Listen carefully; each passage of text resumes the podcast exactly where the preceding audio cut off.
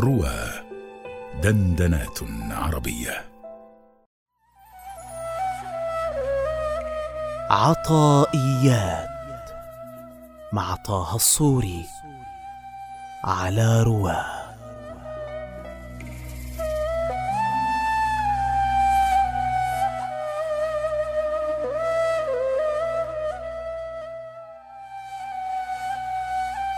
معصية أورثت ذلا وافتقارا. خير من طاعة أورثت عزا واستكبارا. خير من طاعة أورثت عزا واستكبارا. فإن الذل والإفتقار من أوصاف العبودية والتحقق بهما موجب للقرب من رب البرية.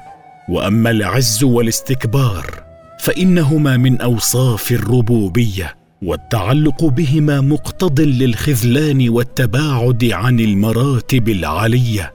ولذا قال بعضهم انكسار العاصي خير من صولة المطيع.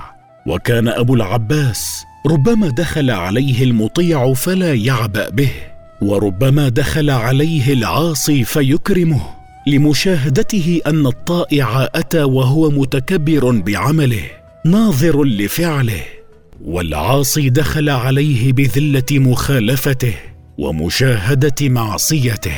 فينبغي ألا ينظر العبد إلى صور الأشياء بل إلى حقائقها فإن أعمال البر والطاعة ليست مشروعة لذاتها ولا مطلوبة لصورها بل لما احتوت عليه من التذلل والخشوع.